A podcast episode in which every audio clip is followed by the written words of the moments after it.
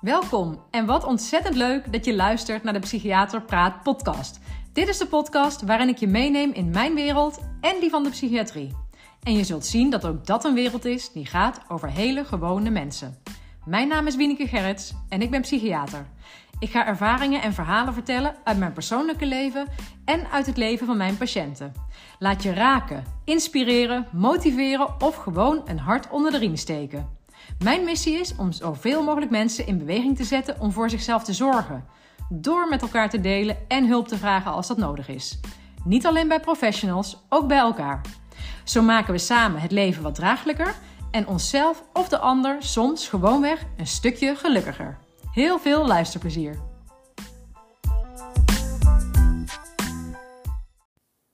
Goedemiddag allemaal, ik ben weer terug van mijn vakantie en vandaag krijgen jullie meteen een interview te horen in mijn podcast. Ik spreek vandaag met Anna Berghout, die ik dadelijk in het gesprek met haar verder zal introduceren. Maar dit is precies wat ik ook wil doen met mijn podcast. Ik vertel natuurlijk heel vaak zelfverhalen uh, uit mijn herinnering, uit mijn huidige praktijk of uit mijn persoonlijke leven, maar ook wil ik het verhaal soms door de persoon zelf laten vertellen. En niet voor het eerst kwam ook dit interview spontaan tot stand. Ik ontmoette haar als dochter van een van mijn hockeygenoten op het hockeyveld en het plan was snel geboren. En vandaag kunt u luisteren naar dat gesprek tussen mij en Anna. Goedemorgen allemaal. Fijn dat jullie er weer zijn en fijn dat jullie luisteren. Vandaag vindt mijn podcast weer plaats in de vorm van een interview of een gesprek. En vandaag heb ik Anna Berghout tegenover me. En uh, wellicht kennen jullie haar niet, heel waarschijnlijk. Maar Anna is de dochter van de vrouw waar ik over spreek in aflevering 86, waarin ik heb verteld uh, dat, um, er een, ja, dat zij gaat komen te overlijden door een ziekte. Zij is een hockeyteamgenoot van mij. En omdat zij, uh, ziek als ze al was, een keer met haar dochter uh, op het hockeyveld ons kwam opzoeken, ontmoette ik Anna, raakte ik met haar in gesprek. Ik was ook heel nieuwsgierig hoe dat nou voor haar was, want dat gaat zo meteen wel ter sprake komen. Maar haar zieke moeder is niet het enige waar ze op dit moment uh, mee om moet gaan. En zij was zoekende naar hoe, hoe ga ik om met mijn eigen emoties? Uh, ja, hoe hanteer ik die? Hoe kan ik die delen met anderen? En zo ontstond het plan, het idee om daarover te spreken in mijn podcast. En nu, en toevalligerwijs, want dat komt zo, wordt zo ook wel duidelijk, maar het is de borstkankermaand, uh, vindt dit plaats in oktober. En zit Anna tegenover me en gaan we dat gesprek voeren. Welkom Anna. Hey Wieneke, goedemorgen. Goedemorgen. Fijn dat ik er mag zijn. Ja, ik ben hartstikke blij dat je er bent. En uh, nou, we hebben net een kort voorgesprekje gehad. Uh, ja, we weten eigenlijk allebei, dit, dit wordt, wordt een intens gesprek of een emotioneel gesprek. Dat is mm-hmm. bijna onvermijdelijk, hè? Mm-hmm. Ja. Ja. Ja, het is, uh, het is geen, uh, geen makkelijke onderwerp nee. om een nee. gesprek over te voeren. Misschien is het voor de luisteraars ook uh, ja, prettig, moet ik zeggen, maar om, om een beetje de context te gaan begrijpen. Ik, ik uh, gooide net al het balletje op van het is borstkankermaand. Daar heb ik in die andere aflevering helemaal niet over gesproken, over wat er precies aan de hand was. Maar mm-hmm. um, nou, dat is er aan de hand. Ja. En er is meer aan de hand, heb ik ook al gezegd. Zou jij daar misschien zelf wat over kunnen vertellen? Ja, je hebt het verhaal van mijn moeder al kort uh, verteld. Terugkeer van ziekte. Mijn moeder is een aantal jaar geleden heel ziek geweest. Uh, ze had borstkanker en uh, heeft zware behandelingen ondergaan, chemo, bestraling en een operatie. En ja, dat was een heel heftig proces. Maar ik was een stukje jonger. Ik weet niet precies hoe oud ik was, maar uh, ik was net aan het studeren. Um, en ja, ik had daar iets meer afstand van dan nu. Uh, het is een beetje voor mij toch een beetje, niet geheim gehouden, maar wat uh, voorzichtiger verteld. Dus niet echt de heftige details. Ik, later hoorde ik pas dat het echt uitgezaaid was en een soort van een uh, ander stadium dan, dan ik wist eigenlijk. Um, en ja, nu is die ziekte teruggekomen. Dus ze heeft opnieuw borstkanker. En eigenlijk zit het ook overal. Dus het is uitgezaaid. Um, uh, ja, haar galblaas, in haar hersenen, in haar, ja, eigenlijk overal. Mm. Um, en kreeg het bericht dat ze niet meer beter kan worden. En eigenlijk ook de vraag of ze nog behandeld zou willen worden. Ehm, en ze heeft ervoor gekozen om dat niet te doen. Omdat ja, je wordt van chemo superziek, zoals de meeste mensen wel weten. Uh, en ze heeft toch gekozen voor een zo lang mogelijk, zo goed mogelijk kwaliteit van leven. Um, ze hebben haar zo'n drie maanden gegeven. En daar zitten we nu ongeveer op. Uh, dus dat is ook wel een spannende tijd. En dat is eigenlijk bovenop het nieuws van mijn zus gekomen. Want mijn zus uh, heeft ook eerder borstkanker gehad. En dat is ook sinds een jaar terug. En ook met het bericht dat ze niet meer beter kan worden. Um, en mijn zus is twee jaar ouder dan ik. Ik ben zaterdag 30. Uh, dus dit is, ja, dat is gewoon verschrikkelijk. Die is hartstikke jong. En uh, moet weer allerlei behandelingen ondergaan om het nog te rekken ook nog. Het is ook niet dat je denkt van nou ik doe het voor, voor herstel of voor een toekomst. Die is er gewoon niet. Dus het is echt, ja, je moet echt nadenken waar je het voor doet. En ja, dat is, ik praat er nu luchtig over omdat het voor mij dagelijkse koek is eigenlijk. Um, ik, ik zit nu in het huis bij mijn ouders en uh, ja, ik ben eigenlijk dagelijks bezig met de zorg voor mijn zus en voor mijn moeder. Um, maar ik realiseer me eigenlijk vaak genoeg dat dat helemaal niet een normale situatie is waar ik in zit. En ja, voel toch de behoefte om daar iets meer over te vertellen. Uh, dus vandaar dat ik ook hier zit. Ja. ja, dat is ook alsof, ja, ik weet niet precies hoe ik dat moet zeggen, maar toen ik jou nog niet kende, want we ontmoeten elkaar denk ik een maand geleden ongeveer op de hockeyclub met jouw moeder. Toen had ik al zo vaak aan jou gedacht, want ik, ik vind het heel verdrietig dat ik jouw moeder hè, als hockeyteamgenoot ga verliezen. Daar heb ik over verteld. Ik wist ook al van haar natuurlijk dat ja, jouw zus, ja, haar dochter, niet meer beter zou worden. Dat wist zij al ook voordat zij nu uh, haar uh, recidief kreeg. Hè. Dus eigenlijk was daar waar het het afgelopen jaar over ging. Hè. Ja, mhm. de ziekte van jouw zus. Ja. Maar ik had al zo vaak aan jou gedacht, want ik, in mijn hoofd krijg ik bijna een error als ik denk, ja, hoe, als je zowel je moeder als je zus gaat verliezen, ja, ja. ja ik ben sprakeloos, zeg maar, van, in een gezin van vier. Ja, dus ja. ja en, mijn, oh, sorry, zeg maar. Ja, mijn realiteit is inderdaad gewoon dat mijn gezin waar ik nu 30 jaar mee leef, gewoon eigenlijk gehalveerd gaat worden, even heel cru gezegd. Ja. Um, en dat is echt een absurd besef. Ja. Um, en ja, wij zitten nu denk ik al een jaar in een soort rouw bij leven uh, rondom mijn zus. Um, of iets meer dan een jaar trouwens. Um, en ja, inderdaad, wat je zegt, daar ging het al de hele tijd over. Het ging over van Jezus, sorry, pardon. Um, nee hoor, uh, wat jouw taal is, wat mij betreft. Ja. Uh, nou ja, een, een, dochter van iemand die je kent en mijn zus, uh, gewoon een jonge vrouw, die, nou ja, er zijn meerdere mensen die dit doormaken, maar het is een vrij uniek verhaal ook wel. Zo'n jonge leeftijd, zo ziek en ook niet meer beter wordend. Um, ja, en daar zitten wij al een hele tijd mee te ploeteren. Van hoe, hoe geef ik dit een plek en hoe, hoe ga ik hier in godsnaam mee om met het verlies ook van mijn zus, die gewoon heel dicht bij mij staat en waar ik gewoon een hele goede band mee heb. Ja. Um, dat is een afgrijzelijk besef. En toen kwam het bericht van mijn moeder, die begon met van, nou ja, ik heb uh, last van iets en we gaan voor de zekerheid even een scan doen. En het was echt shit hit the fan gewoon. Het was echt helemaal, helemaal verschrikkelijk. Ja. Um, ja, en ik heb gewoon ik denk, ik, ik denk dat ik in een soort van freestand terechtkom op dat soort momenten. Ik heb nu een paar van die, of nou eigenlijk redelijk veel hele harde klappen gehad. Van ook toch nog hoop hebben en oh nee, toch niet beter worden. Ja. Is er nog een behandeling mogelijk? Ja, nee. Oh, het is toch uitgezaaid. En het eindeloos wachten op die uitslagen, dat zullen ook mensen herkennen, denk ik.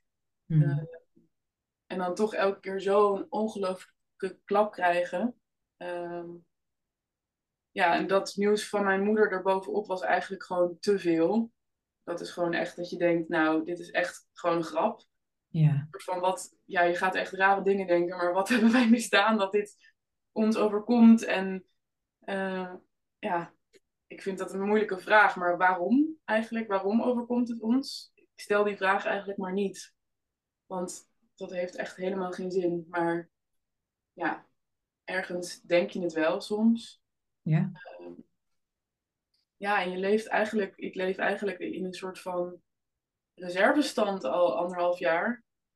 En ik vind het, wat ik eigenlijk heel erg vind ook, is dat ik helemaal geen ruimte meer heb. Of nou, veel minder ruimte heb voor het verhaal van mijn zus. Nu dit met mijn moeder zo urgent is. Want mijn moeder is nu echt doodziek. Um, en uh, ja, die zie ik gewoon aftakelen. Wat ik echt het meest afgrijzelijke vind. Wat ik ooit heb moeten meemaken. Um, ja, daar gaat eigenlijk op dit moment al mijn aandacht naar uit. En mijn zorg. Uh, want ik ben letterlijk ook veel aan het zorgen. Uh, ja, ik, ik, doe dat ook graag wel. Het zorgen. Uh, dat ik iets kan betekenen in deze situatie. Maar ik vind het wel echt verschrikkelijk dat ik zo weinig ruimte ook nu heb voor mijn zus. En wat dat eigenlijk betekent. En wat dat gaat betekenen voor mij ook en voor haar. En ja, dat is eigenlijk zo oneerlijk, vind ik, dat ik daar nu geen plek, nou, zo weinig ruimte voor, voor heb. Omdat er dus nog iets kutters gebeurt. Of iets net zo kuts, of iets, ja. Hmm. Ja, wat, wat, wat mij ook bezighoudt is, want net zei je dat ook, uh, van ja, dat je eigenlijk jou, dat je ook zo graag wil delen eigenlijk. Hè? En um, je, ook in dit gesprek eigenlijk, het gaat natuurlijk zo makkelijk over jouw moeder, of over, en ook over jouw zus. Ja. Je zegt ook zelfs inderdaad, ja, hoe ik nu eigenlijk mijn aandacht moet verdelen, voelt eigenlijk ook niet bevredigend. Hè? Of, maar uh, dan gaat het nog om de keuze, of, van, of nou niet de keuze, maar over van, ja, ben ik er voor mijn moeder en dan kan ik er minder voor mijn zus zijn. Maar, maar in hoeverre kan het in zo'n situatie nog over jou gaan eigenlijk? Dat, dat houdt mij ook zo bezig. Waar, waar blijf jij eigenlijk dan? Want vanzelfsprekend gaat, denk ik, aandacht en zorg naar je moeder en zus. Ja, dat is ook wel, vind ik ook wel een pijnlijk punt.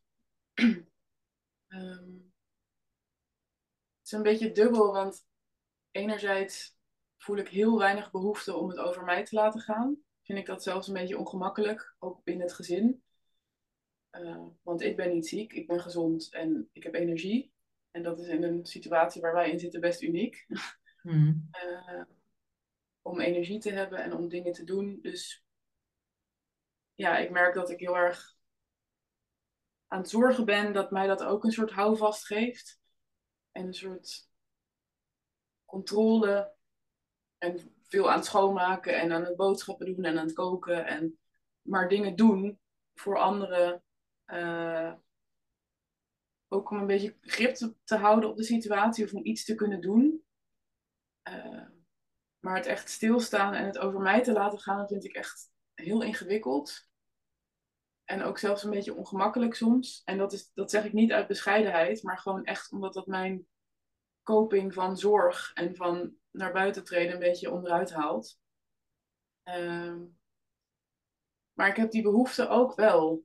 Die behoefte is er ook wel. En dat vind ik ook wel heel moeilijk in ja, mijn zus is ouder dan ik en die heeft altijd een best ja, zorgende of moederlijke rol gehad mm-hmm. naar mij.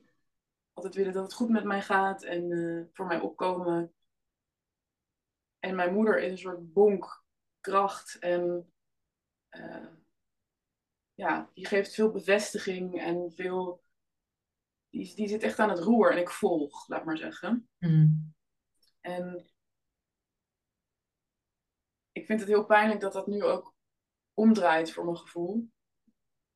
Uh, dat mama gewoon echt achteruit gaat en ook het lukt haar niet meer goed om te schakelen mentaal in, en om die rol op zich te nemen van nou ja, Anna, kom maar bij mij en ik, ik eh, praat je er doorheen of ik vertel je dat het goed komt. Mhm. Dat zegt ze wel, maar dat is minder. ehm, ja, het voelt minder kloppend of zo. Dat ze dat nu, ja, is niet meer de realiteit. Het is niet dat zij jou er doorheen helpt en dat het goed komt. nee. Ja, misschien wel met jou, maar Ja, en dat vind ik wel echt super pijnlijk. Dat ik gewoon wel echt die, die steun van mijn ouders ja, krijg ik. Maar ik mis ook een deel, gewoon noodgedwongen.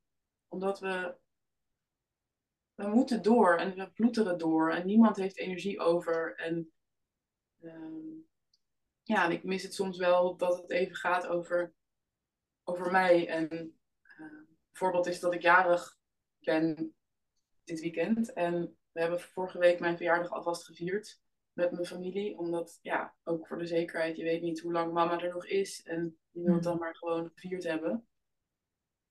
Ehm, ik vind het dan echt moeilijk dat het even over mij gaat. dat vind je dan wel moeilijk. ja, Ja. dan ben ik toch het liefste heet het bezig. En ja. Want wat, ja, wat, wat, wat als het over jou gaat? Wat klopt er dan niet of zo? Wat, wat, wat geeft dat ongemak dan? ja, ik denk toch dat ik een soort van schijnbaar gevoel van controle haal uit het zorgen voor anderen. En het bezig zijn. En als je geen controle geven. hebt, als je geen controle, als je geen controle hebt, wat gebeurt er dan? Ja, ik denk. Ik ben bang dat ik dan gewoon heel erg instort of heel erg me heel klein voel en heel. ehm, ja, een beetje in een soort hulpeloosheid schiet. En ik hou liever gewoon de controle of het heft in handen. Ehm, normaal heb ik dat helemaal niet zo, maar omdat dit zo absurd is en zo onmenselijk, eh, dit verdriet, heb ik toch een soort houvast gecreëerd voor mezelf. Mhm. Maar ik heb wel echt super lieve vrienden. En een lieve vriend die mij heel erg steunen. En daar ben ik wel echt heel dankbaar voor. Eh, ja, dat ik ook een eigen steunsysteem heb eigenlijk. Ja. En waar ik af en toe wel even naar kan ontsnappen. En die ook wel echt hun best doen om wel aandacht en ruimte voor mij te hebben. En begrijp me niet verkeerd, mijn familie probeert dat wel, maar dat is er gewoon niet. Dus dat, Ja, ja, dat is natuurlijk. Dat, dat is een hele lastige, want je hebt natuurlijk Ja. begrip, maar je wil niet dat het zo is. Mhm. En je verlangt iets anders. Ja, je bent eigenlijk in een rol gekomen waar je niet in wil zitten. Ja. En dat is wel ook heel ingewikkeld, omdat ik zelf ook echt ongelooflijk veel verdriet heb. Ja, want komt dat er dan ook wel uit? Ja, dat komt er wel uit. Eerder niet zo. Eh, ik denk ook wel uit een soort angst, een soort overlevingsstand van dit is te heftig en ik kan dit gewoon niet aan. Maar het komt nu wel af en toe eruit en dan komt het ook echt heel hard. Hmm. Eh, ja, dan overweldigt het me echt helemaal. Eh, ja, ik vind het gewoon echt een heel pijnlijk besef dat ik mijn moeder en mijn zus kwijt ga raken. En die zijn er nu nog. En we hebben nu nog heel veel liefde. En ik kan het me ook bijna niet voorstellen dat ze er straks niet zijn. Nee. En ik vind het ook ingewikkeld dat ik eigenlijk niemand ken. En ik denk wel dat er mensen zijn die zoiets meemaken. Dat weet ik eigenlijk wel zeker. Maar ik ken niemand in mijn omgeving die zoiets meemaakt of mee heeft gemaakt. Dat er een zus en een moeder of een ouder of een broer tegelijkertijd eigenlijk ziek zijn en komen te overlijden. Dat, ja, ik ken eigenlijk niemand die dat heeft meegemaakt. Dus ik voel me daar ook wel alleen in eigenlijk. Ja. Dat is een rotgevoel, denk ik, hè? Ja. Ja, ik vind dat echt wel. eh, Ik voel me wel echt heel alleen in dit proces. En niet omdat ik geen vrienden heb. Nee, nee. ik snap dat je dat erbij zegt, maar, Maar het is denk ik niet nodig. Het is ander soort eenzaamheid of zo. Ja, En ook in het gezin is iedereen alleen. Want ik ben de enige in mijn gezin die mijn zus kwijtraakt. En mijn moeder. En nog een toekomst voor me heeft, hebt, heb. Ja. Ehm, ja, ik heb nog een heel toekomst voor me. En dat had ik nooit bedacht zonder mijn moeder en zonder mijn zus. Dat heb ik gewoon niet, dat moet ik helemaal herschrijven in mijn hoofd. Ja. Ehm, mijn vader heeft een hele andere ervaring. Die, die verliest zijn vrouw straks. En moet dan een soort van opnieuw gaan uitvinden voor wie hij het allemaal doet. En niet voor het gezin en niet voor hun samen, maar gewoon voor zichzelf. Wat wil hij? Dat is een heel andere positie. En mijn zus is ook weer anders, want zij gaat haar moeder kwijtraken, maar zij gaat op een gegeven moment zelf ook dood. En ja, het is voor iedereen niet te filmen eigenlijk. Nee. Nee, ik, ik had met jouw moeder een gesprek daarover dat ik ook zei van ik kan me daar ook gewoon niet, ik kan me niet erin verplaatsen of zo. En dat zij zei, ja, op een gegeven moment is het gewoon maximaal erg en dan is er niet meer erger dan erg. En dan, dan is dat gewoon wat het is. En ja, je, bent bijna niet meer in staat om, om daar over na te denken of zo. Het is gewoon het ergste wat er is. En uh, in die toestand verkeer je de hele tijd. Alle vier eigenlijk, hè? Ja. ja, dat deel ik wel heel erg met mijn moeder. Van erg gewoon erg is er niet. Er is maar een soort van bepaald een bepaalde gradatie van, van ellende die je aan, dat je aan kan. En uh, ja, daar heb je het maar mee te doen. En, en uh, nou, ik merk ook aan mezelf dat ik het echt wel moeilijk vind om te vertrouwen nu bijvoorbeeld. Ik heb echt alles losgelaten. Ik heb het idee dat ik alles los moet laten en alle vertrouwen en alle uh, toekomst die ik had bedacht en, en dat ik een soort extreem flexibel moet zijn op het moment. Van alles kan veranderen, elk moment. Dat is me nu zoveel overkomen dat ik echt niet meer durf te vertrouwen dat het niet elk moment weer helemaal omgegooid wordt. Dus vertrouwen ook in, in gewoon de dingen in jouw leven nog. Uh, ja, ja wel echt. Waar je woont, waar je werkt. Ja, dingen kunnen zo snel, zo drastisch veranderen. Uh, dat ik het heel moeilijk vind om nog ergens echt van op aan te, te kunnen. Of ja, dat ik een soort van. Wat ik wel vanuit vroeger wel heb meegekregen, een soort basisvertrouwen en een soort. Wat heel fijn is dat ik dat heb meegekregen, maar ik durf daar niet meer echt op te vertrouwen. Dat het, dat het allemaal vanzelfsprekend goed komt, of dat je samen blijft, of dat mensen gezond blijven, of dat ik zelf gezond blijf. Ik heb zelf ook een, een borstkankergen. Um, dus voor mij is er ook gewoon een heel hoog risico. Een grote kans dat ik uh, dat ik zelf ook ziek word. En dat soort dingen, ja. Ik denk, ja, ik, zie ik leef echt met de dag. Ja. Ik leef echt met het moment en dat geeft me wel ook houvast. Um, je hebt altijd zo die, die mindfulness dingen en uh, zo'n boekje van Eckhart Tolle van de kracht van het nu. En ik werd altijd zo kwaad op die man. Ik dacht van ja, waar heeft hij het over? De kracht van het nu ja, het, het, ja, het zal wel. Uh, en uh, ik snap nu eigenlijk wel wat hij bedoelt. Dus, dat, dus heeft dat dan ook iets, ja, ik weet niet, misschien is het een hele rare vraag, maar heeft dat dan ook iets positiefs? Dat je nu denkt, maar ik leef in het nu, is dat ook iets, iets positiefs? Ja. ja, ik denk wel dat ik persoonlijk ook wel ben veranderd door dit alles. En nog steeds aan het veranderen ben. En dat dat me eigenlijk ook wel veel brengt. Ehm, ik vind het heel fijn dat ik heel erg kan genieten van, van het moment. En van, ja, ik kan, ik kan echt heel erg genieten van dingen. Ook nog. Hmm. Uh, en ja, wat ik ook heel bijzonder vind, is dat ik nog nooit zoveel liefde heb gevoeld ook. Tussen mij en mijn familie.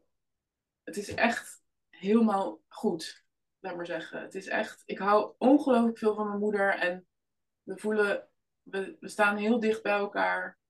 En ook mijn zus en ook mijn vader. En dat hadden we eerder nooit zo bewust. We zijn echt heel bewust met elkaar in een soort hele fijne, liefdevolle modus. Ehm, dat is heel bijzonder. Dat geeft me, dat brengt me ook heel veel. Ik voel me ook best gelukkig af en toe.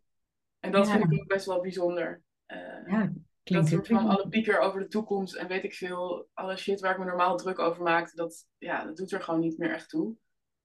En dat is eigenlijk ook wel een bevrijding op een bepaalde manier.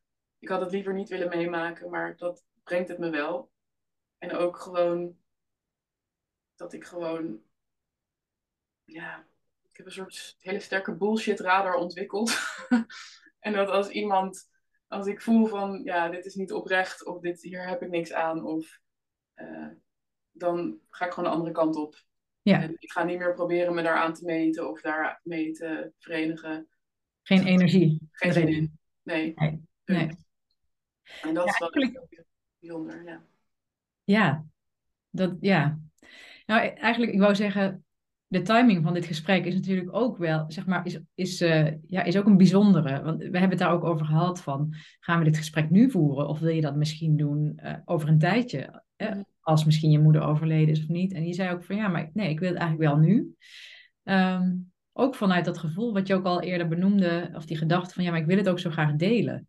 En ja. um, je zei, ja, je zei ook van ja, je bent zo'n overleefstand hè, met je coping noemde je het. En die zei ja, controle houden en uh, ja, bezig zijn, zorgen. is ook een bepaalde manier om die emotie ook een beetje, toch een beetje op afstand te houden. Mm. En aan de andere kant juist ook die behoefte voelen om die emotie of ja, en wat het met jou doet ook te delen.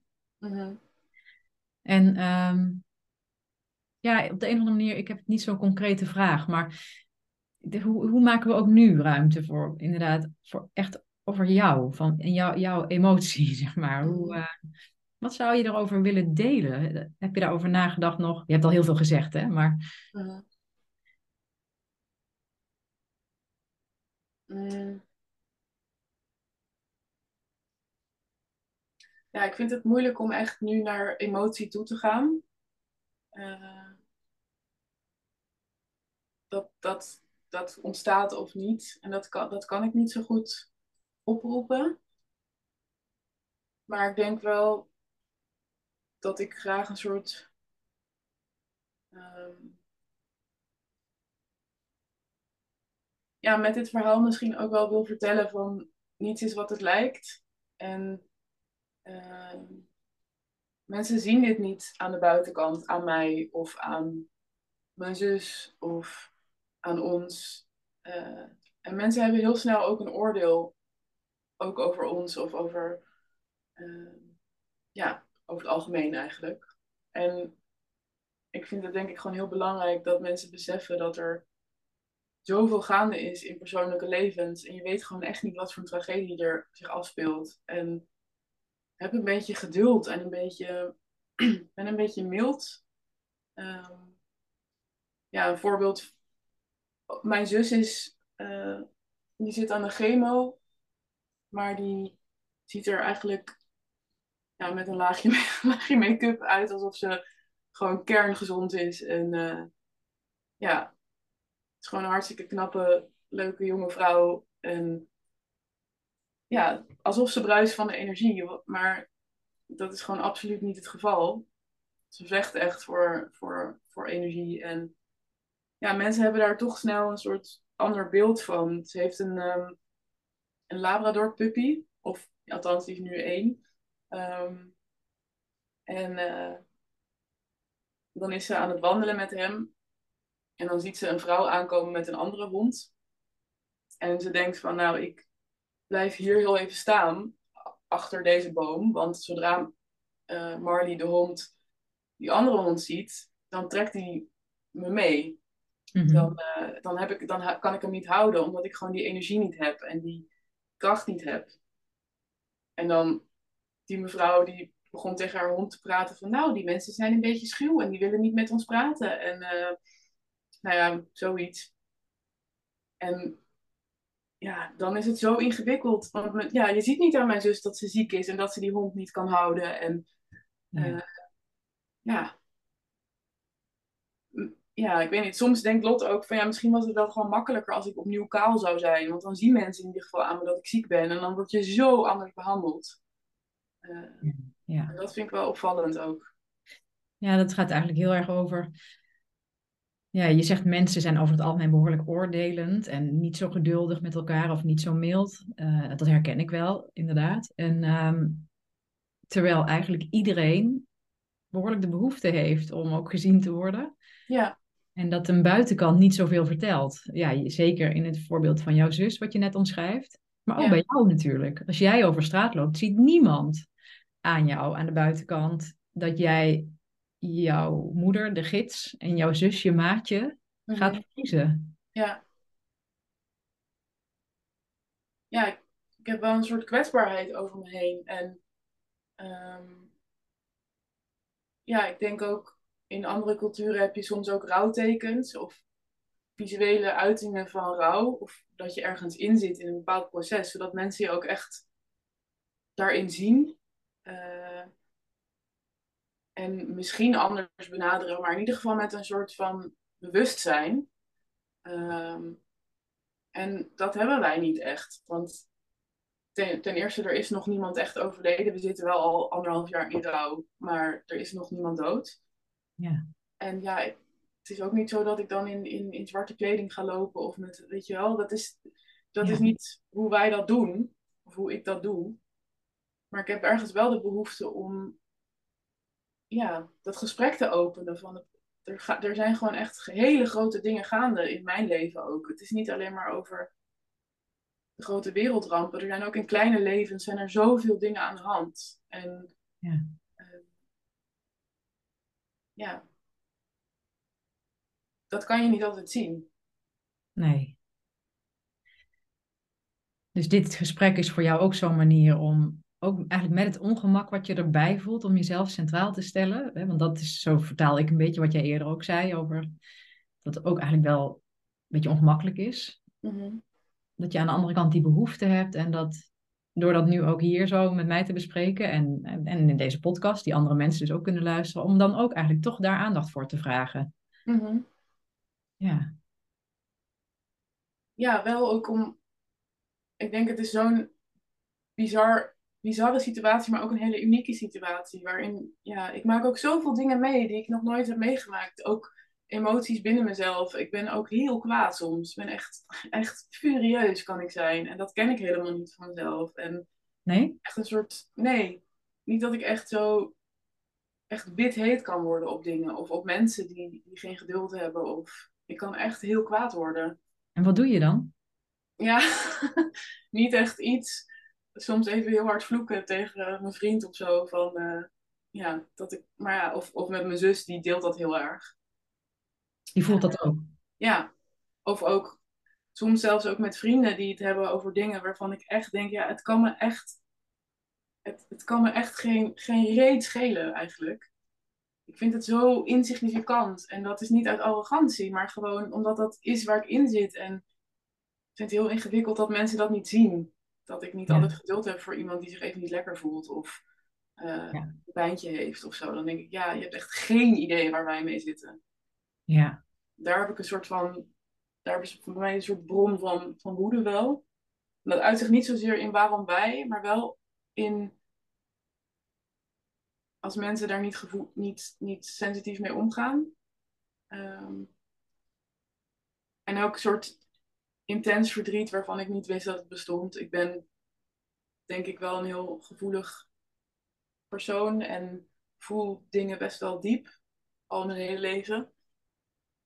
Maar ik heb nog nooit zoveel pijn gehad, echt een soort hartepijn, een soort van dat het echt fysiek gewoon helemaal als een soort prikkeldraad in mijn, in mijn, in mijn borst zit. En dan nog proberen adem te halen. Ja, dat is een soort van pijn die ik niet ken en die er ook niet de hele tijd is. Want anders kan ik dit soort gesprekken ook niet voeren en kan ik niet functioneren. Ja. Maar die, die is er en dat, dat, dat uit zich op het moment dat ik s'avonds in bed lig uh, en moet gaan slapen en beelden ga zien van uh, een begrafenis die er aankomt en een soort angst krijg voor de toekomst. Van ja, ik ben straks zo'n groot deel van mijn kader kwijt waarin ik ben opgegroeid en waarin ik heb geleerd hoe de wereld in elkaar zit. En dat valt weg en dat vind ik gewoon wel echt heel beangstigend. En ik wil mijn moeder gewoon niet kwijt. Heel, heel, heel bazaal. Ik wil mijn moeder niet kwijt. Ik wil mijn zus niet kwijt. En dat is eigenlijk Ja. de enige manier waarop ik het echt kan omschrijven. Is dat je wil dit zo niet meemaken. Je wil dit gewoon echt niet. Ik wil zo graag dat mijn zus nog bij mij blijft in mijn leven. Dat we samen oud worden en samen op, op uh, knullige vakanties gaan en uh, witte wijn drinken en een kaartspelletje doen. En, ja. en lol hebben. Want ik kan met niemand zo'n zo lol hebben als met mijn zus. Het is een bepaalde taal die je met elkaar spreekt. Een bepaalde muziek die wij luisteren en samen dansen. En ja, ik vind het zo afgrijzelijk dat ik dat kwijt ga raken. En ook mijn moeder gewoon, ja, dat is, mijn, dat is mijn lieve moeder. En ik wil haar gewoon voor altijd knuffelen en voor altijd bij haar schuilen. En dat, ja. En je wil het niet, maar ja, en je moet. Ik, ik zit hier echt met tranen in mijn ogen inmiddels, met een brok in mijn keel. Hmm. Het is zo aangrijpend wat je vertelt. Ja, en ik ben er vrij hard over nu. Ik, ik, ik, ik praat er vrij vlak over, omdat het gewoon. Het is zo'n grote emotie en dat, dat kan ik niet zomaar er laten zijn of zo. nee, nee, dat moet je ook niet doen. Hè? Dat is niet een opdracht of zo. En daarnaast denk ik, dat is inderdaad wat, wat ons lijf doet. Wat, wat, wat ons zijn doet. Hè? Jij staat volgens mij op dit moment ook in een in een overlevingsmodus. Dus daarom, daar, anders kun je er niet over praten. Ja. Denk ik. Dat, zo zo zie ik dat een beetje. Als jij nu in, echt in je emotie zou komen, denk ik dat je bijna niet meer in staat bent om te praten. Nee, dan, nee, dan, dan zit ik gewoon in pijn en dat, dat gaat in een soort spiraal. Ja, ja. Dat, ja. En gedeeltelijk denk ik dat ik dus een beetje nu ja, als het ware, zo, zo wordt het wel eens gezegd, van je, je besteedt het verdriet eigenlijk nu uit aan je gesprekspartner. Ja, dat klinkt heel negatief misschien, hè, maar ik voel denk ik een beetje jouw verdriet nu. Hè, dat ik die tranen die ik voel, dat ik denk, ja, dat zijn enerzijds de jouwe. Mhm. Anderzijds is het ook zo dat ik voel me ook geraakt in eigen herinneringen. Mm. Want wat jij zegt bijvoorbeeld, ik, ik, ben mijn moeder op een gegeven moment bijna verloren. Mhm. Dat is geweest aan een, een hele heftige hersenbloeding. Ik was toen 26 volgens mij. En um, toen kregen we de boodschap in het ziekenhuis dat ze acuut zou overlijden, maar ze overleefde het. En ze leeft nog steeds hè, uiteindelijk. Ja. En dan, eigenlijk twee, in twee rollen herken ik het. Of in twee verschillende perspectieven. Eén is dat ik toen inderdaad, wat je net zei, van je wil het zo niet. Dit, dit, dit is zo wat je niet wil. Nou, die herkende ik. En dat raakte dus ook mijn eigen verdriet ja. van toen. Maar ook mijn jongere zusje, die was toen jonger dan jij, maar die, hè, die was 18 geloof ik die zei ook van, nee, maar zij mag niet doodgaan, want zij is degene die weet wat goed voor mij is. Ja, ja, ja. Ja, die kwam toen ook zo binnen en die hoor ik ook een beetje in jou. Of ik leg hem erin hoor, dat kan ook. Maar... Nee, dat, dat, dat klopt. Ja, dat is. En ook, mijn moeder heeft ook die rol binnen ons gezin altijd gehad van een soort stuurman. Ja. Letterlijk een soort kapitein. Zo ziet ze zichzelf volgens mij ook wel. Ehm, en al bluft ze, ze weet gewoon hoe het zit. En ik, ik mis die, die, die, ja, al is het bluff, maar die zelfverzekerdheid die zegt van, An, het komt goed. Weet je wel? En mijn zus kan dat ook hebben. Ja. En dat is zo fijn om te horen, want dat is ook wel wat ik misschien heel ingewikkeld vind nu, is dat omdat er zo weinig mensen zijn in mijn omgeving die dit meemaken, slash hebben meegemaakt, in ieder geval op mijn leeftijd, ehm, zijn mensen heel voorzichtig. En dat snap ik heel goed dat snap ik ontzettend goed, want het is heel ingewikkeld en je weet niet waar je het over hebt. Dus hoe navigeer je in een gesprek en hoe maak je contact en hoe ja. doe je recht aan iemand, maar tegelijkertijd wil je iemand niet forceren. En dat is heel ingewikkeld. Um, ik ben even mijn punt kwijt. ik ook. Uh, nou ja, mijn, mijn punt is denk ik. Uh, Sorry, even error weer. Ja, nou je vertelde over je moeder eigenlijk hoe zij zo de, de stuurman was. Ja. ja, nou dat het heel fijn is als mensen in mijn omgeving, ook al weten ze niet hoe dit voelt en ook al uh, weet je niet wat je moet zeggen tegen iemand, dat ze dan toch tegen mij zeggen, Anne, je kan het. Ik weet dat je het kan. En ik, ik geef je dat vertrouwen, want ik ben het vertrouwen zelf ook helemaal kwijt. Hoe de fuck doe ik dit? Ik heb geen idee. Ik voel me zo alleen hierin. En als iemand mij dan zegt van, ik ben bij je en het gaat zwaar zijn, maar je kan het. En er komt weer een toekomst. En... Want dat ben ik echt allemaal kwijt, dat vertrouwen. En ik vind het zo fijn als iemand dat tegen me zegt. Um, en is het eigenlijk... Ze zijn een beetje bang om dat te zeggen, omdat ze bang zijn dat ze niet weten waar ze het over hebben en dat ze mij dan geen recht doen. En dat snap ik echt. Ja. Uh, en ik denk dat dat ook voor iedereen anders is. En ik denk ook dat het uitmaakt van wie het komt. Maar ik denk wel, ik vind het wel heel fijn om dat te horen. En ook, wat ik ook merk, is dat mensen het moeilijk vinden om ernaar te vragen. Of hoe ze ernaar moeten vragen. Dus je voelt gewoon een soort continue afstand met de wereld om je heen. Want je hebt een soort van enorm ding om je heen. Maar hoe maak je dan, hoe doorbreek je dat? Hoe, hoe doorbreek je die vervreemding eigenlijk? En ik vind het bijvoorbeeld heel fijn als mensen mij gerichte vragen stellen. Dus niet hoe is het met je moeder? Want dan denk ik, ja, kut. Het gaat kutter en ze gaat dood. Wat, wat wil je dat ik zeg? Maar als iemand vraagt van, joh, wat hebben jullie vandaag gedaan? Of hebben jullie vandaag iets samen kunnen doen? Of uh, ja. ja, hoe gaat het met dit van je moeder? Of uh, ja, iets specifieks. Ik, uh, ik heb nu even niet concreet tien voorbeelden, maar gewoon iets. ja. Is je, hoe gaat het met de energie van je zus? Hoe is het om bij je ouders te zijn, samen te zijn? Dat zijn andere soorten vragen dan hoe gaat het met jullie? Dan, ja. dan, dat legt me dan zo lam. En dan besef ik me weer wat er aan de hand is en hoe moeilijk dat is om uit te leggen. En hoe weinig een buitenstander dat kan invoelen en begrijpen. Um, ja. Ja, eigenlijk Het is ook fijn als mensen gewoon... Wij hebben bijvoorbeeld in het gezin... Wij lachen ons echt helemaal kapot, nog steeds. Ondanks alle, alle klotenzooi en alle ellende waar we in zitten. We hebben echt heel veel lol. Uh, dat klinkt een beetje raar, maar ja, ik, mijn ouders zijn zo grappig.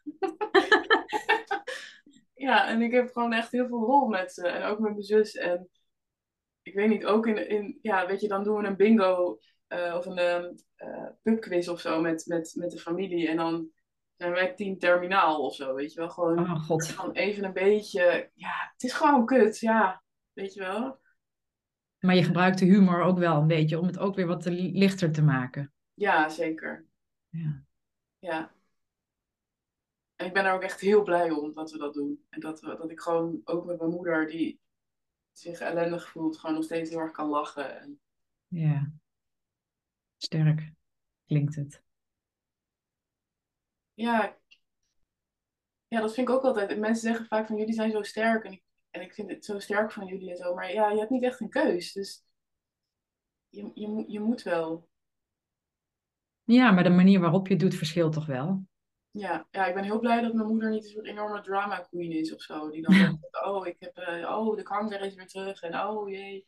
Nee, gewoon een soort van, dit is het. En die regelt nog haar eigen begrafenis. Dat letterlijk. Die is echt, nou ja, jij kent mijn moeder een beetje, maar die is echt, uh, ja, die heeft het allemaal onder controle.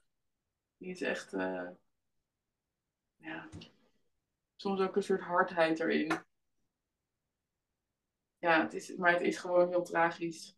Het is heel tragisch. Ja, en dat, wat ik er zo uithaal, wat je allemaal vertelt, is dat het eigenlijk zo, het is zo vervreemdend van de rest van de wereld omdat het gewoon ja, niemand voelt of snapt of kan echt intunen hoe het voor jullie is. En dat is dus ook eenzaam, maar ook zelfs ook eenzaam voor jou in jouw positie in het gezin en, en ieder voor zich ook eenzaam.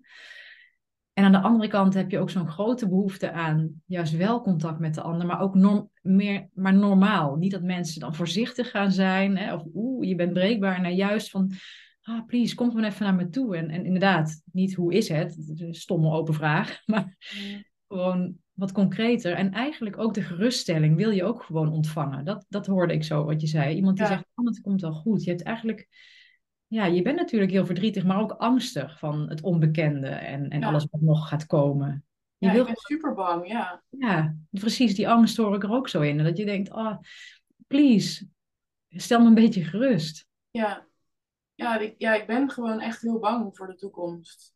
Ik ben heel bang voor, voor, ja, voor leegte. En ik weet bij God niet hoe dat voelt eh, om zo in de rouw te zitten. En helemaal niet over twee mensen tegelijk. Of na elkaar of door elkaar. Ja.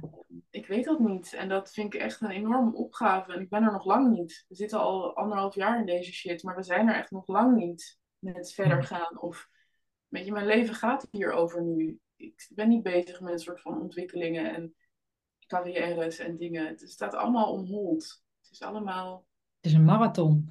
Ja. Doe je, heb, ja, doe je, heb je hulp gezocht? Ja, ik heb... ehm, ik woon in Amsterdam en daar zit eh, het Ingeborg Douwe Centrum. Dat is een centrum voor eh naasten eh, bij mensen bij, bij gevallen van kanker in het gezin. Ehm, en dat is wel echt heel fijn. Eh, omdat dat ook mensen zijn die gewoon weten wat de impact is van zo'n ziekte. En dat hoef je dan niet zo uit te leggen. Dat ze echt meer stil kunnen staan bij hoe is het voor jou en wat gebeurt er bij jou. Ja. En ja, het is gewoon heel fijn dat er dat soort plekken zijn. In Arnhem zit ook het Helen Dowling Instituut, waar mijn zus en mijn vader naartoe gaan. Oké. Ehm, ja, en het is echt wel belangrijk om hulp te zoeken in dit soort situaties. Want ja, het is net als, net als een, een enorme depressie of iets dergelijks. Het is gewoon iets wat je niet zelf kan oplossen soms. Waar je soms echt wel hulp bij nodig hebt. Ja. Ja, het is heel fijn dat dat er is. En Maar ook moeilijk, ja. ja. Zit daar dan ook nog iets in waardoor je ook anderen kan ontmoeten of in contact kan komen? Ja, dat is grappig, want ik heb dus wel heel erg die behoefte. Ja. Ik had ook heel erg behoefte aan een soort van. Ik heb dat nooit gehad trouwens. een soort praatgroep of zo. Het is vreselijk, maar ik dacht wel van ja. Het lijkt me best wel fijn om met mensen te praten die ook zoiets meemaken. Ja. Want zijn er mensen die dit ook meemaken? Een zus op, op jonge Precies. leeftijd en, en, en dan ook misschien een ouder. Of... En, ehm, maar ik heb wel eens gezocht, maar ik kon eigenlijk alleen maar plekken vinden waarbij je dan kan aansluiten als je al iemand bent verloren. Dus als je al in die rouw zit. En ik Ja. snap dat ook wel, want Ja. het is natuurlijk misschien heel, heel triggerend voor, voor mij om te horen hoeveel pijn iemand heeft die iemand kwijt is. Ja, maar ja, dat kan ik me voorstellen. En aan de andere kant kan ik me ook voorstellen dat het, nou, die geruststelling Ja, misschien ook kan bevatten. Want als iemand zegt, ja, ik heb dit al meegemaakt. Hè, ik ben Ja. mijn zus bijvoorbeeld verloren. En ik zit nog steeds heel erg in de rouw. Maar ik ben er nog steeds. En ik voel weer sprankjes vertrouwen terugkomen. Bijvoorbeeld, hè, als zoiets der. Dat kan voor jou misschien wel weer hoop geven. Van, oh, oh dat bestaat dus ook. Of dat, ja zeker. Ik, ik heb ook wel. Ik praat best wel veel met, met mensen die iets ouder zijn dan ik. Ook met de vraag van, ben jij wel eens iemand verloren ja, in je omgeving? Of iemand die zo nabij staat? Of als ze dan over mijn verhaal horen. En dan stel ik ook vaak vragen terug van, hoe- heb jij daar wel eens er- iets mee? eh, heb daar ervaring mee? Of, en ik vind het heel fijn om te horen dat er dus inderdaad... Ik vind het verschrikkelijk voor die mensen, maar dat ze dus inderdaad dat meemaken en eh, dan mij kunnen zeggen van, ja, maar ik ben nu weer in een andere fase en dat kan. En ja, het is zo moeilijk te, te, te overzien als je daar nog niet bent. Ik ja. heb ergens een soort vertrouwen dat het wel goed komt, maar Ik ook. tegelijkertijd ook weer helemaal niet. En Oh. ik nee, ja, ik schiet een beetje alle kanten op, maar het is ook gewoon zo niet, te- niet te vatten. En het Nee. gaat ook alle kanten op. En, Nee, maar je zit ook nog in een fase waarin je, ja, je kunt nog niet over de toekomst, ja, je kunt niet vooruitkijken. Je weet niet hoe het allemaal gaat en hoe, hoe jij je dan houdt. En ik heb, ik, ja, ik voel de een of andere manier door het contact wel vertrouwen in dat ik denk, Anna, je redt je wel. Maar ja, wat heb je eraan als ik dat zeg? Ja, nou, ik vind dat wel gewoon fijn om te horen. En dan. Ja. Dat, dat is gewoon fijn om te horen. Dat, je, dat mensen denken van ja, maar je kan het wel. En je hebt het, je, je hebt het wel in je. En Hmm. ja. Maar ik merk wel dat ik het echt lastig vind om in, ook wel in dit gesprek echt te vertellen hoe het, hoe het voelt. Of hoe het is om dit mee te maken. Dat is toch echt heel moeilijk om woorden aan te geven. Ik denk ook dat het. Ik denk dat ik het kan vergelijken met een gevoel wat ik eerder heb gehad in een droom of zo, of in een nachtmerrie. Dat je, je hebt wel eens een nachtmerrie dat je mensen kwijtraakt die heel dicht bij je staan. Tenminste, ik heb die nachtmerries wel eens gehad. En dan word je wakker met zo'n soort gevoel van: oh, nee, oh mijn god, nee, dit, dit kan niet, dit mag niet. Het soort van verzet in, in je hele lijf. Dat, dat is het eigenlijk. Maar dan de hele tijd. Maar, maar dat is er dus inderdaad. Oh ja, nou dat, ik vind die omschrijving, daar kan ik wel wat bij voelen inderdaad. Die herkennen bedoel ik. Ja, ja. ja dat is echt, dat is voor mij echt de enige, ja, samen met ik wil het niet. Gewoon dat, dat verzet in je hele lijf. En je kan er niet van weg. Net als een soort van, ja, mensen die door een hele heftige break-up gaan of zo. Ja, het is niet vergelijkbaar, maar je wil het niet. En het, je moet.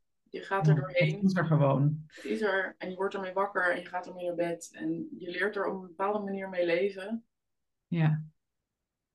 Want dat is ook, ik sprak jou een maand geleden en dan zat ik weer heel erg anders dan ik nu zit. En dat verandert ook de hele tijd. Ehm, het is zo'n raar proces. Het is ook moeilijk om een soort moment te vatten van, oh, dit is de kern van wat het is. Het is de hele tijd het is fluïde en het verandert. En het ene moment voel ik heel veel angst en verdriet. En het volgende moment denk ik, nou, ik voel me best sterk vandaag. En... Ja. Maar dat is ook wat het is. Het is vandaag, weet je wel. Het is, het is van, vandaag voel ik me prachtig. En dat is heel fijn. En vandaag ben je bij je moeder en bij je zus en bij je vader. En ja. Daar kun je hoor ik je zeggen, gelukkig ook echt nog veel lol mee hebben of van genieten. Of heel, heel veel liefde mee voelen samen. Ja. Ja, heel erg. Ik hoop gewoon heel erg dat het nog eventjes duurt met mama. Ik weet het gewoon niet. Het kan elk moment kan het afgelopen zijn. Maar het mm. sukkelt nu ook al wel drie maanden door. Ja. En het gaat wel echt achteruit. Maar weet gewoon niet wat je kan verwachten. Nee. Onheilspellend is het ook wel, toch? Ja, je wacht ook de hele tijd op iets. Ja. Van wachtstand. En dan wen je ook weer aan die stand.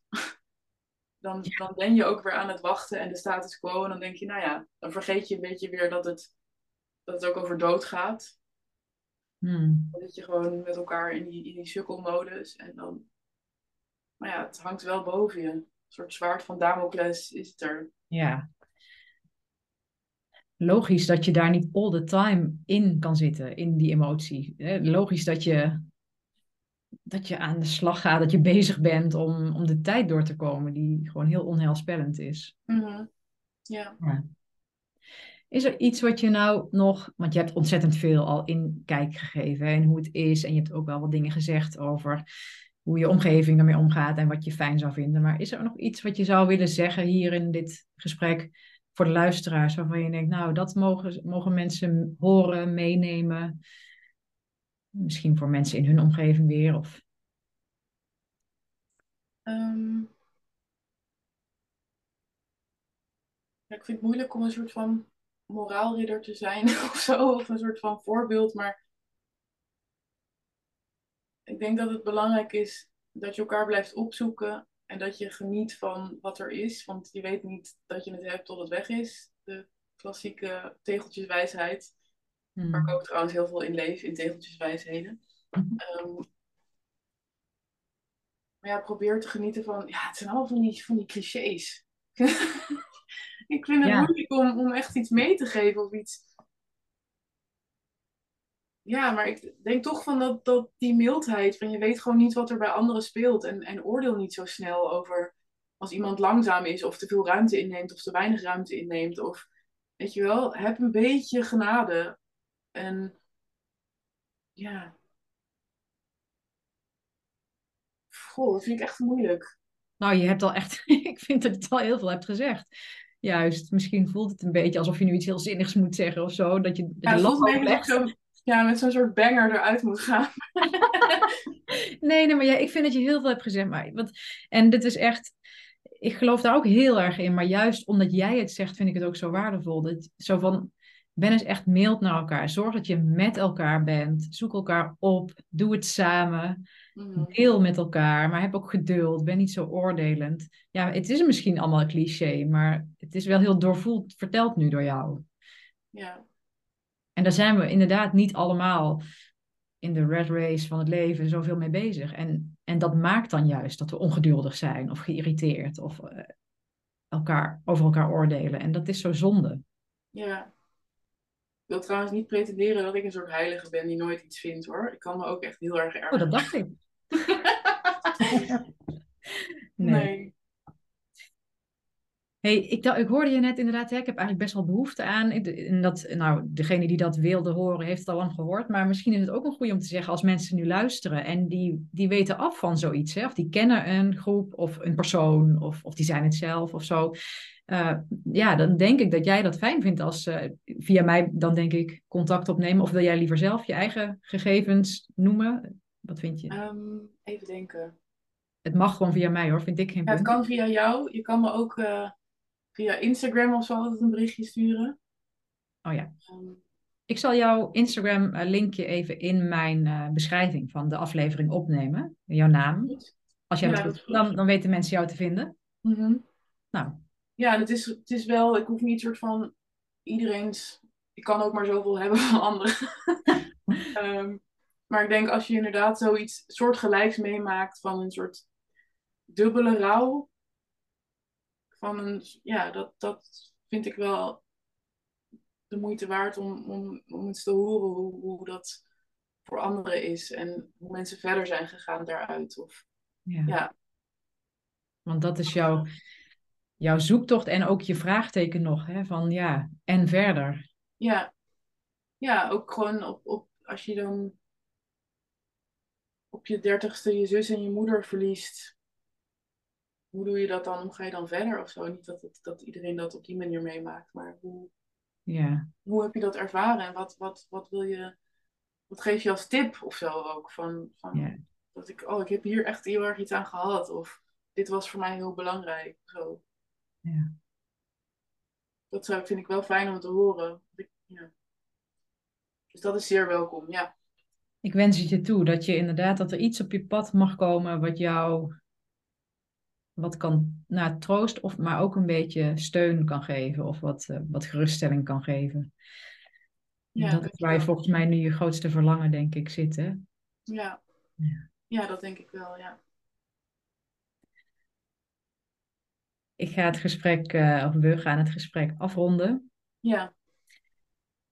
Ik wens jou heel veel, ja, gewoon sterkte. Ja, het is ook zo'n dooddoener, maar veerkracht moet. Ik weet niet wat je allemaal nodig hebt, maar er gaat nog een hele tijd komen die voor jou uh, en voor jullie samen natuurlijk heel turbulent is of heftig is.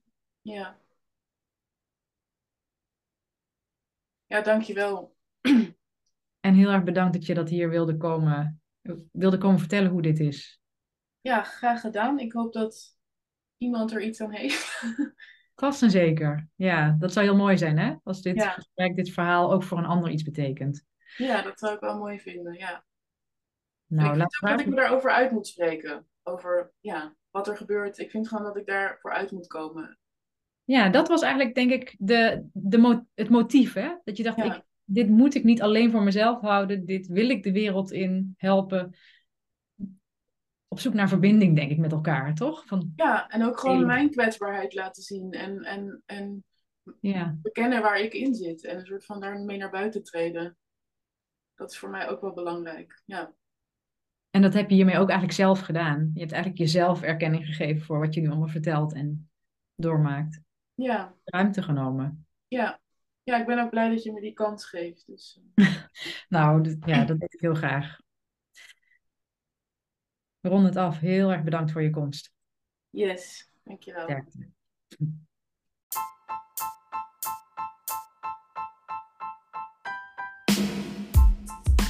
Ha, ik vind het echt super leuk dat je mijn aflevering beluisterd hebt. En nogmaals, heel erg bedankt daarvoor. Hopelijk heeft het je ook aangesproken. En wil je me dat laten weten? Dat kan via mail naar info.wienekegerrits.nl, een bericht via Instagram, waar ik te vinden ben onder wieneke gerrits, of op LinkedIn onder mijn eigen naam. Ik vind het heel leuk om ook jou beter te leren kennen en te weten wie er luistert. Jij kunt ook anderen inspireren door mij te taggen, bijvoorbeeld in je stories of je feed op Instagram. En wat jij van mij kunt doen, is in jouw podcast-app waar je deze beluistert, een review achterlaten. Bijvoorbeeld een aantal sterren. Wil je dat doen? Zo kom ik erachter of en hoe mijn podcast gewaardeerd wordt en wordt hij beter vindbaar voor anderen. Overigens kun je je ook abonneren op deze podcast in je app. Hoe dat per app werkt, weet ik niet precies, maar vaak is er een knop subscribe, abonneren of volgen en dan krijg je automatisch een berichtje of in je app te zien als ik een nieuwe aflevering heb geplaatst. Maar nogmaals, super, super, super dank en tot de volgende!